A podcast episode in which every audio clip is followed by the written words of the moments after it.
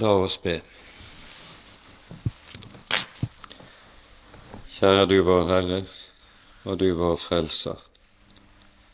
Vi takker og lover deg for all din miskunnhet imot oss. Takk, Herre Jesus, at du kom, og at du var villig til å bære hele tyngden av vår frelse. Så lær oss, Herre, å lite på deg. Kom, Herre, på ny og på ny til oss med din trøst, med ditt lys og med din sannhet, for at vi også må få nå hjem til deg. Amen.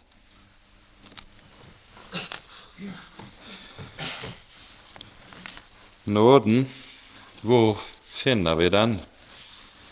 Hvordan får vi den? Det er jo et spørsmål som ikke er uten betydning når vi ser på det vi har snakket om i forrige time.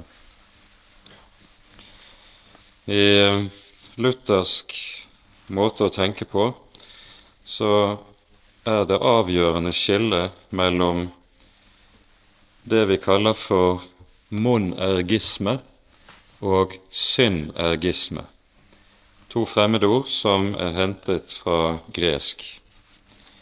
Synergisme er fremmedordet som betegner det at frelsen forstås som et samarbeid mellom Gud og menneske. Og eh, det innebærer da slik som vi har hørt det i forrige time, at f.eks. katolsk måte å tenke om rettferdiggjørelsen, den er synergistisk. Den er betinget av et slikt samarbeid mellom Gud og menneske. I motsetning til dette står da begrepet monergisme. Monos på gresk betyr én, og monergisme det er betegnelsen for at frelsen ikke eh, består i eller har sin rot i et samarbeide mellom Gud og mennesker, men er Guds gjerning alene. Mennesket kan i denne sak ikke gjøre noe til eller fra. Alt er Guds verk og Guds verk alene. Det er saken. Og det er det luthersk bekjennelse, luthersk tro og luthersk lære dreier seg om. Nå blir spørsmålet i forlengelsen av det vi har talt om. Vi har hørt om hvorledes frelsen er fullbyrdet for oss av en stedfortreder. Jesus trer inn i vår, vår verden. Guds sønn blir menneske av kjøtt og blod for å være vår stedfortreder. Og som vår stedfortreder fullbyrder han frelsen for 2000 år tilbake. Frelsen er ferdig, fullkomment ferdig. Men vi lever 2000 år senere, på et helt annet sted, i en helt annen kultur, en helt annen situasjon i historien. Hvordan blir det som ble fullbrakt for 2000 år tilbake på Golgata, hvordan kommer det til meg? Hvordan blir det mitt? Det er her vi i den lutherske bekjennelse møter læren om nådemidlene. Vi siterte allerede i går fra den augsburgske bekjennelsens artikkel 5. I artikkel 4 tales det om rettferdiggjørelsen og hva rettferdiggjørelsen er for noe. Vi rettferdiggjøres av troen alene for Jesu Kristi skyld, uten våre gjerninger eller fortjenester. Og så kommer det da i artikkel 5 for at vi skal komme til denne tro, få del i denne tro, er det innstiftet en tjeneste med å forkynne evangeliet og forvalte sakramentene. For ved ordet og sakramentene som midler blir Den hellige ånd gitt. Dette siterte vi i går. Det er altså slik at Gud har satt inn i vår verden det vi kaller nådemidler. Bestemte midler, redskaper og verktøy gjennom hvilke Han rekker oss og gir oss den nåde, den frelse, den rettferdighet som ble vunnet for 2000 år tilbake. Den kommer til oss på en ganske bestemt måte. Gud har gjort et bestemt valg, nemlig han har valgt seg bestemte verktøy og redskaper, og så anvender han disse når han vil gi oss del i frelsen. Og Disse redskapene heter altså ord og sakrament. Og et menneske får del i frelsen helt enkelt gjennom å bruke disse nådemidler. Frelsen er ikke noe vi kommer til gjennom å streve med oss selv, men gjennom å ta imot evangeliet som rekkes oss i nådemidlene.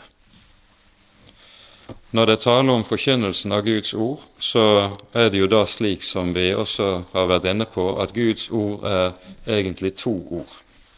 Det er forkynnelsen av loven og forkynnelsen av evangeliet. Forkynnelsen av loven er ikke noe nådemiddel. Men forkynnelsen av evangeliet, det er et nådemiddel. På samme måte er Den hellige dåp og Den hellige nadvær nådemidler. Og Dette er uhyre viktig å være oppmerksom på, for det betyr helt konkret at dåpen, det er evangeliet. Nattverden, det er evangeliet. Og Hva betyr det at dette er evangeliet? Jo, det betyr at i disse midler så er den levende Gud selv virksom til stede med tanke på å gi oss og rekke oss sin frelse. Det er evangeliet. Og nettopp her skiller den lutherske kirkes bekjennelse seg radikalt fra det som vi møter f.eks. innenfor det som kalles for reformerte retninger innenfor kristenheten.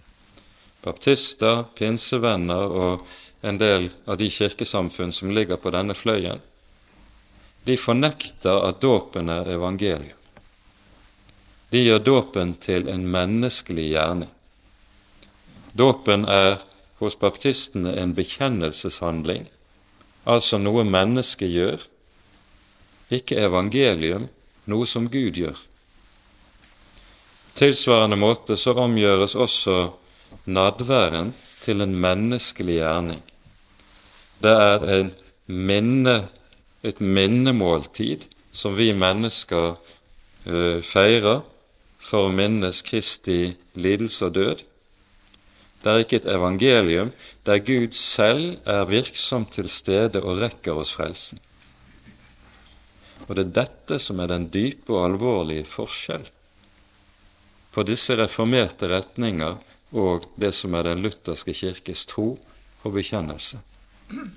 For en omgjør nådemidlene til lovgjerninger. Det er jo også det samme som skjer innenfor katolsk tradisjon når det gjelder nadværfeiringen. Nadværfeiringen innenfor katolsk tenkning, hva er det?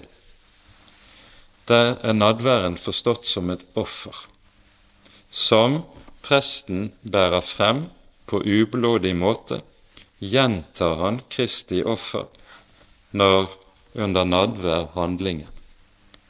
Og så lærer katolsk teologi da at arvesynden den utslettes hos et menneske i dåpen, og de synder som da det gjøres soning for, gjennom offerhandlingen i nadværen, det er gjerningssyndene til den kristne mennesket, og Der kan også gjøres soning som for de døde synder, slik at de får ettergitt straffer i skjær sin.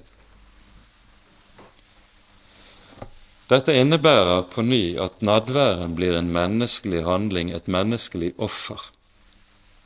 Noe som mennesket altså gjør, ikke er en guddommelig gave, et evangelium som rekkes oss.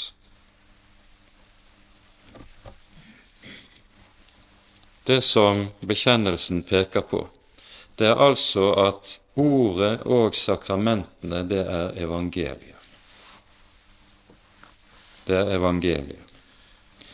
Og vi skal si litt om disse ting konkret, fordi dette er jo noe som slett ikke reformatorene har tatt ut av luften. Dette er grunnet på klare og tydelige ord i Den hellige skrift. Ta først ordet som nådemiddel.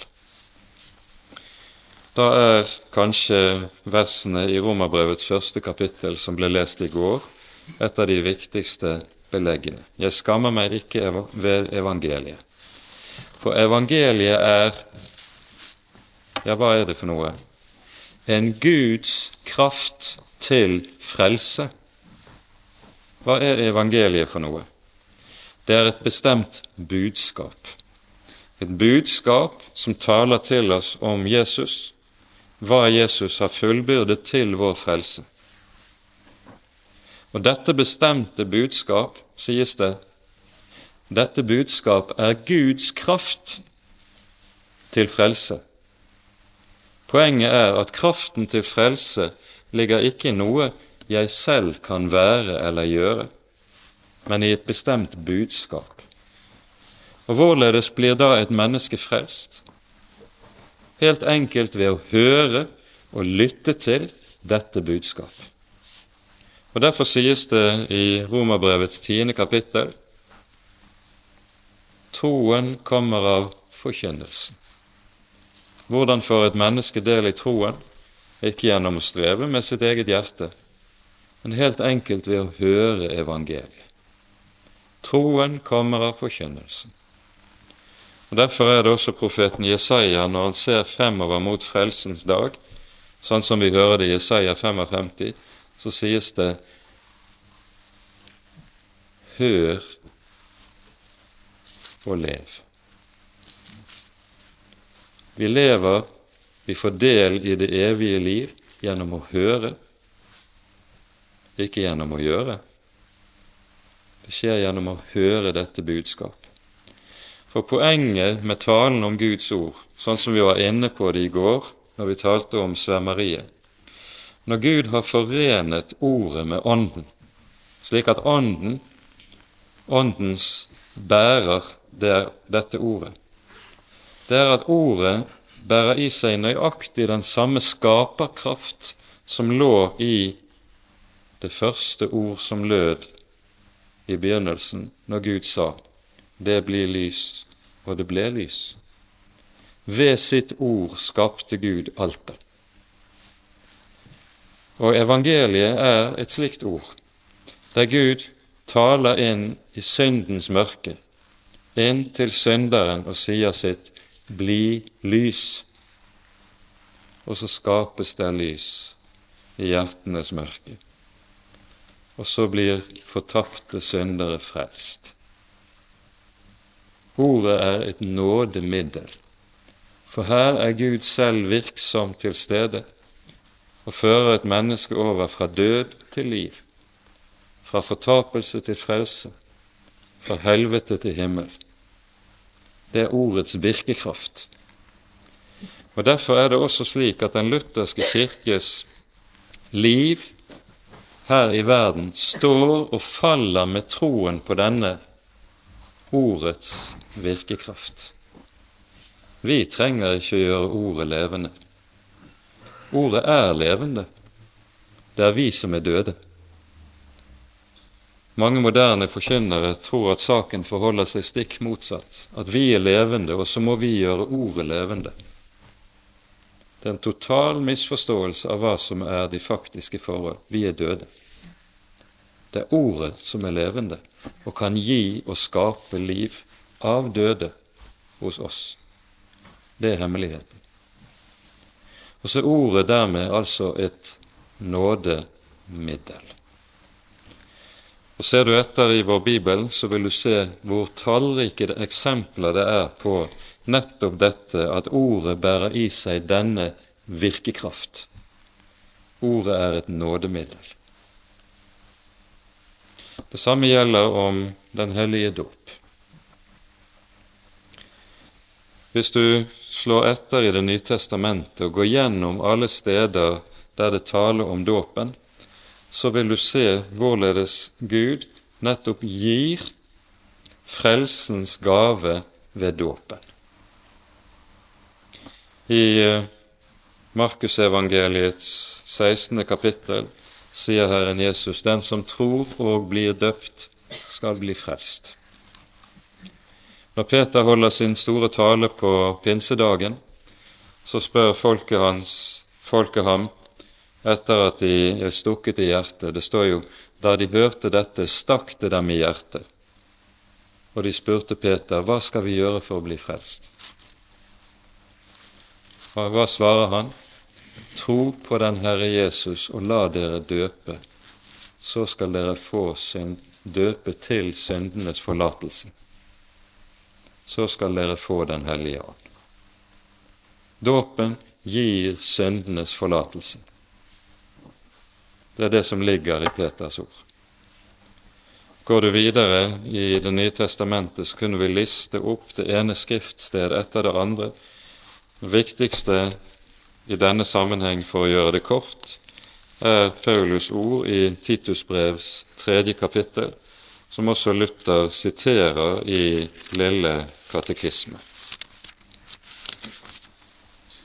Da Guds, vår Frelsers godhet og kjærlighet til menneskene ble åpenbart, frelste Han oss, ikke på grunn av rettferdige gjerninger som vi hadde gjort, men etter sin miskunn, ved badet til gjenfødelse og fornyelse ved Den hellige ånd.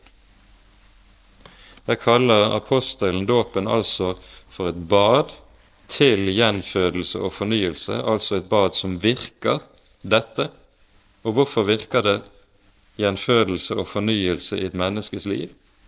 Jo, fordi Den hellige ånd er der i vannet.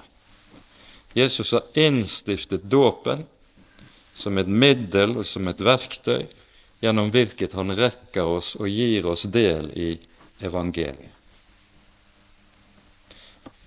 Det samme gjelder om Den hellige nattverd. Den er også evangeliet. Den hellige nattverd er den nye pakts måltid, og når Luther skal tale om hva nattværen er for noe, så sier han meget tydelig at det som skal forklare oss hva nadværen er for noe, det er innstiftelsesordene selv. Og hva er det Jesus sier i innstiftelsesordene? Dette er mitt legeme som gis for dere. Gjør dette til minne om meg, eller til min ihukommelse, som det står, bokstavelig. Dette er den nye pakt i mitt blod, som utøses for dere til syndenes forlatelse. Gjør dette til min ihukommelse. Hva er det du får i Den hellige nattvær, med andre ord? Du får Kristi legeme og blod gitt i brød og vin. På samme måte som Jesus blir i Jesu person, er Gud og menneske forenet i én person. Slik er det i nadværet at brød og vin er forenet med Kristi legeme og blod. Du har en slik enhet, og denne enhet er gitt i kraft av Kristi innstiftelse og løfte. Du får del i hans legeme og blod. Og hva er det som er poenget med det? Dette er mitt blod som utøses for dere til syndenes forlatelse. Du får del i syndenes forlatelse. Den frelse som Jesus ga på Golgata, den rekkes deg i munnen gjennom å ete og drikke brød og vin i nadværen. Nattværen er evangelium. Poenget er altså hele tiden dette at i disse ord i Skriften som taler om hva ordet og sakramentene er for noe, det er evangeliet, gjennom hvilket altså Gud rekker oss frelsen, og så får vi del i det Jesus gjorde og fullbrakte. Det å være en luthersk kristen, det er å være det som kalles for en nådemiddelkristen. Det er å vite med seg selv at mitt liv i Gud står og faller ikke på min fromhet, ikke på min kristendom, aller minst på at jeg lykkes i å leve som kristen. Mitt liv i Gud står og faller med bevisstheten om at jeg er avhengig av å bruke nådens midler. Å være en luthersk kristen er å være en nådemiddelkristen. Her står vi overfor noe som det er meget lav bevissthet om blant kristne mennesker i våre dager. Og skylden for dette ligger på flere felter, men det som kjennetegner dette, er denne illusjon om at min kristendom står og faller med min kristne aktivitet. På en eller annen måte, bare jeg er aktiv som kristen, så vil jeg bli bevart som kristen. Det er ikke sant. For hvis det var tilfellet, da ble du bevart som kristen ved din egen gjerning. Bevart som kristen blir du gjennom på ny og på ny å tilegne deg evangeliet. Og hvor får du evangeliet? Gjennom nådens midler. Ordet, den hellige dåp, er jo en engangshandling, men den hellige nattverd. For Luther var dette så sentralt at nadværfeiringen kom til å være en uløselig del av den lutherske kirkes liv. I landet vårt var det jo slik at utover på 1700-tallet, når pietismen gjorde sitt inntog, så ble nadværfeiringen noe som ble en sjeldenhet i kirken. Det var ikke uvanlig i Den norske kirke å ha nadvær kun to ganger i år. For Luther var jo noe slikt hellig brøde. I 1528 får han brev fra Nürnberg, byen Nürnberg, der de reiser spørsmålet om hvordan de skal innrette seg når det gjelder gudstjenesteliv, og ikke minst nadværfeiring. Og I sitt svarbrev til Nürnbergerne skriver Luther at han anbefaler dem å ha to gudstjenester for dagen i byens hovedkirke, begge med nattverd, for at alle som søker til Herrens bord, må skal få anledning til det. I tillegg bør det være nadværgudstjenester tre eller fire ganger i uken på kveldstid, for at nådesøkende på ny skal ha mulighet til å komme til Herrens bord. Det er ganske langt fra det som skjedde med utviklingen hos oss i Norge på 1700-tallet. For Luther var seg bevisst like inn til grunnen av sitt vesen. Vi lever av det evangelium som rekkes oss, som vi hører med våre ører, og som vi tar imot med munnen når vi eter Herrens legeme og blod i nattværen. Derfor skulle det være helt normalt i en luthersk menighet at det var nadvær hver eneste gudstjeneste hver eneste søndag. Og dette skulle være noe en luthersk kristen løp til. Ikke noe han skulle dras etter håret til. Fordi dette er gaven. Tenk deg bare hvor stor en gave er det Gud gir oss på Golgata?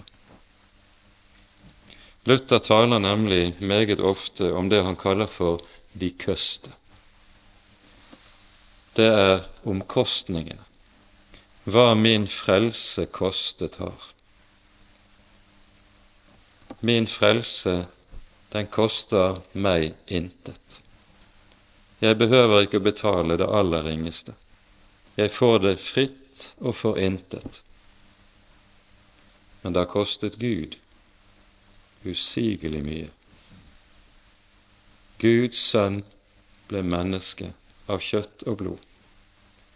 Guds sønn lider døden i ditt og mitt sted.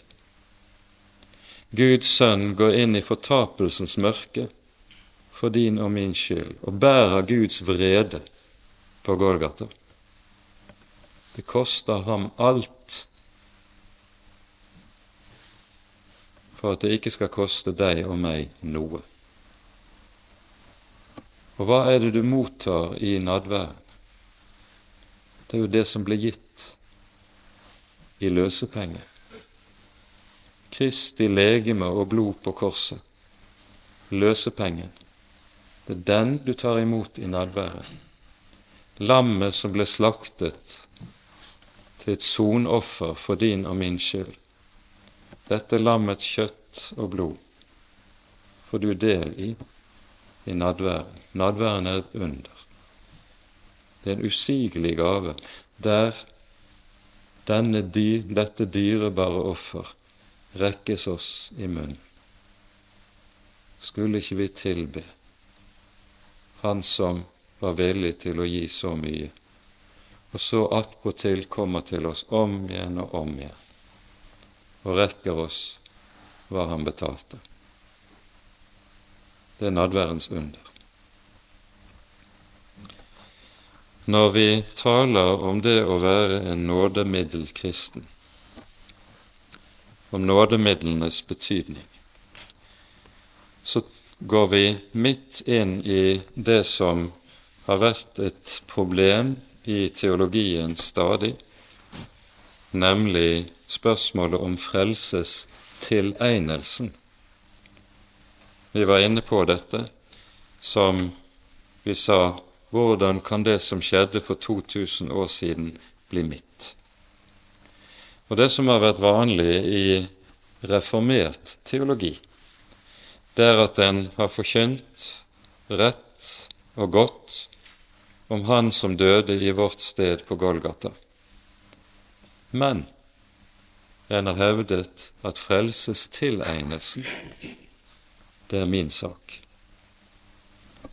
Jeg bruker gjerne, for å illustrere akkurat dette, et eksempel fra Billy Graham sitt, eh, sin evangeliseringskampanje i begynnelsen av 70-årene her i Europa. Noen av dere husker gjerne disse stormøtene som ble holdt i Tyskland, men det ble overført til storskjermer rundt omkring i store møtesaler i hele Europa. Jeg var selv på en del av disse møtene som ble overført til Bergenshallen hjemme i Bergen, husker jeg. På et av disse møtene så hadde Billy Graham talt meget godt og meget gripende om Jesus som Guds lam, som bærer verdens synd. Og når talen nærmer seg slutten, for dette var jo en evangeliseringskampanje, så skulle han komme til saken hvordan de som tilstedeværende skulle kunne bli omvendt til Gud og bli kristne mennesker. Og så sa han nå har Jesus gjort sitt. Nå må du gjøre ditt. Altså, tankegangen var dette frelsen er fullbyrdet på Golgata. Nå må du gjøre slik og slik for at dette skal bli din eiendom. Og så kom han med oppskrift på da, hva et menneske da skulle gjøre. Og det var det ene og det andre og det tredje som en skulle gjøre. Frelsestilegnelsen blir dermed menneskets gjerning, mens frelsen selv, den er Guds gjerning. Og da kommer jo tross alt noe av mitt med i bildet. Hele poenget med den lutherske tenkningen om nådemidlene, som jeg har pekt på den er jo hentet rett ut av Det nye testamentet. Hele poenget med den lutherske tenkning om dette, det er å undervise for oss om at også frelsestilegnelsen er en Guds gjerning. Det er ikke min gjerning. Heller ikke på det området er det noe jeg kan gjøre til eller fra. Det er den levende Gud som handler med oss i nådemidlene og rekker oss frelsen i sin Sønn. Det er det som er den store gave. Og det er det som gjør at den lutherske kirke er en kirke som er en nådemiddelkirke. Når det er på dette vis, så henger dette også sammen med bevisstheten om en annen hovedsak, nemlig sannheten om hvem det falne mennesket er, og sannheten om hvem det kristne mennesket er. En plante er avhengig av å få tilført lys og vann utenfra for å kunne spire, for å kunne leve. På samme måte er du og jeg også avhengig av å få tilført det som er nødvendig for å leve utenfra. Livets kilde ligger ikke i meg selv. Kildene ligger utenfor meg selv og så skal jeg få lov til å drikke av de kilder som ligger utenfor meg selv. Kildene til det kristne liv ligger ikke i det kristne menneskets eget hjerte. Det ligger utenfor meg. Og Derfor skal jeg nettopp få lov til å komme der nådens midler rekkes oss. Komme der og drikke på ny og på ny av kilden. Og så er det den kristne menighets og kirkes plikt å sørge for at denne kilde ikke forurenses. For der det serveres forurenset vann, der blir det åndelig sykdom og lidelse. Det er jo det som er blitt Kirkens ulykke i vårt eget land. Utallige åndelige sykdommer kommer til å spre seg fordi man ikke har bevart kilden uten forurensning, men blander inn mennesketanker og lar evangeliet ødelegges på ulike vis. Kildene ligger ikke i vårt eget bryst. Hvorfor? På grunn av at vi er de vi er som falne mennesker. Det har med syndens realitet å gjøre. Det har med den virkelighet å gjøre at jeg fortsatt har gamle Adam hos meg 100 også etter at jeg er blitt et Guds barn. Og det nye mennesket, det er Jesus som er min rettferdighet. Det nye mennesket hos meg lever av hva? Det lever av evangeliet. Og evangeliet er alltid noe som kommer til meg utenfra. Gjennom ordet som leses eller høres, gjennom nadværen som spises og drikkes. Det kommer til meg utenifra. I um, Kolosserbrevet i det tredje kapittel så taler Paulus om noe av dette. For i dette her er det vi finner noe som er til stor, stor trøst for oss som eh, mennesker, som kristne mennesker. Er dere da reist opp med Kristus, så søk det som er der oppe, der Kristus sitter ved Guds høyre hånd. La deres sinn være vendt mot det som er der oppe, ikke mot det som er på jorden. Dere er jo døde, og deres liv er skjult med Kristus i Gud. Det som jo nemlig er noe av den stadige tendens hos oss selv, det er at vi leter inne i våre egne hjerter etter å finne tegn til at vi er sanne, vi er levende kristne. Og Så ser du og graver inni der, men jo mer du graver inni der, hva finner du? Bare elendighet Bare elendighet. I hvert fall om du ser sant på deg selv. Deres liv er skjult, sier Paulus.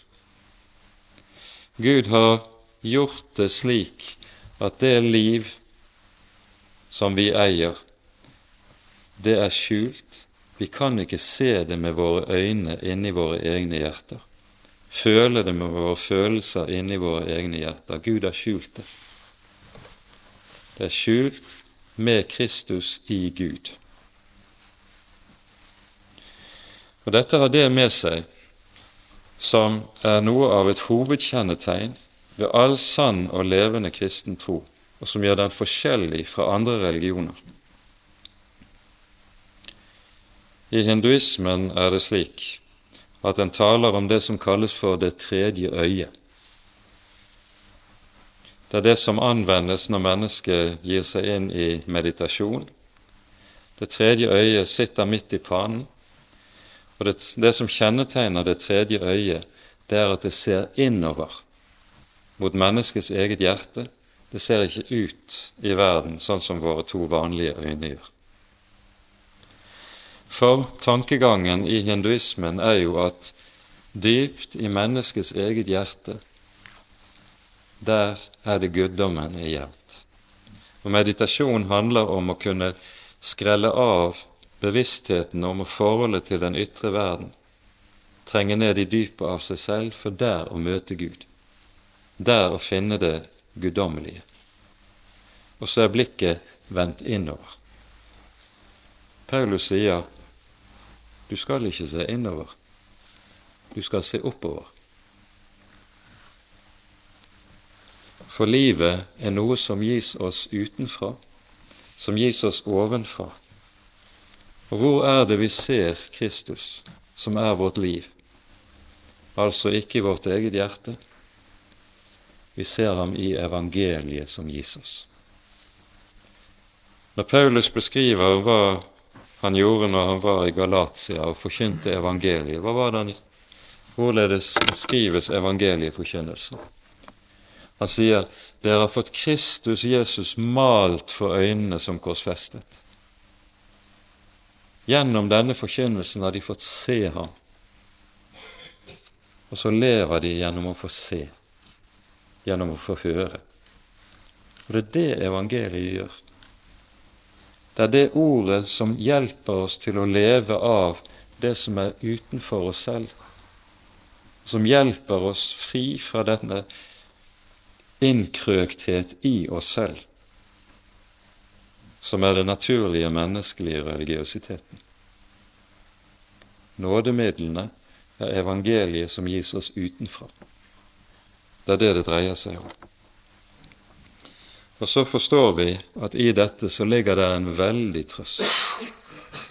Jeg skal slippe å vente og finne livet i mitt eget hjerte. For livet gis meg i Han som sitter ved Faderens høyre hånd. Og når jeg ser ham, lever jeg. Det er jo det som er hemmeligheten. Det er derfor Jesus taler om for en Nikodemus når han stiller spørsmålet. Først taler Jesus om den nye fødsel.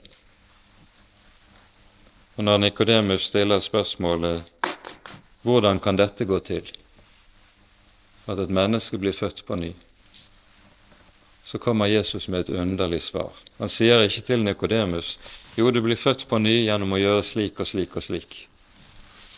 Da svarer Jesus, han sier, like som Moses opphøyet slangen i ørken, således skal menneskesønnen bli opphøyet, for at hver den som tror på ham, skal ha evig liv. Det er svaret på hvordan et menneske blir født på ny. Jesus sier altså ikke til Nøkodemus du blir født på ny gjennom å gjøre slik og slik. Men han sier du blir født på ny gjennom å få øye på noe Gud gjør. Guds løfte knyttet til en som ble opphøyet på et kors. like som Moses opphøyet slangen i ørken, således skal menneskesønnen opphøyet, for at hver den som tror på ham, skal ha evig liv. Og det er det forkynnelsen skal gjøre. Og det er jo det nadværen gjør òg. Paulus skriver om hva nadværen er. Han sier så ofte som dere eter dette brød og drikker denne kalk, forkynner dere Herrens død inntil Han kommer. For nadværen er evangelium som gis oss håndgripelig, evangelium om Han som ga seg selv til syndere. Luthersk kristendom er nådemiddelkristendom. Og vi skulle øve oss i å takke Gud for hva det er Han har gitt oss i nådens midler, og ber Ham om at disse nådens midler blir bevart rent og ubesmittet imellom oss. For der lever vi. Det er dette som er gleden. Tenk å få lov til å komme på ny og på ny under det løftet at han på ny og på ny vil rekke meg seg selv til liv og til salighet. Det er jo her Luther sier i Lille katekisme i forbindelse med nadværet, hvor syndenes forlatelse er, der er liv og salighet. Ære være Faderen og Sønnen og Den hellige ånd, som var og er og være skal, en sann Gud, høylovet i evighet. Amen.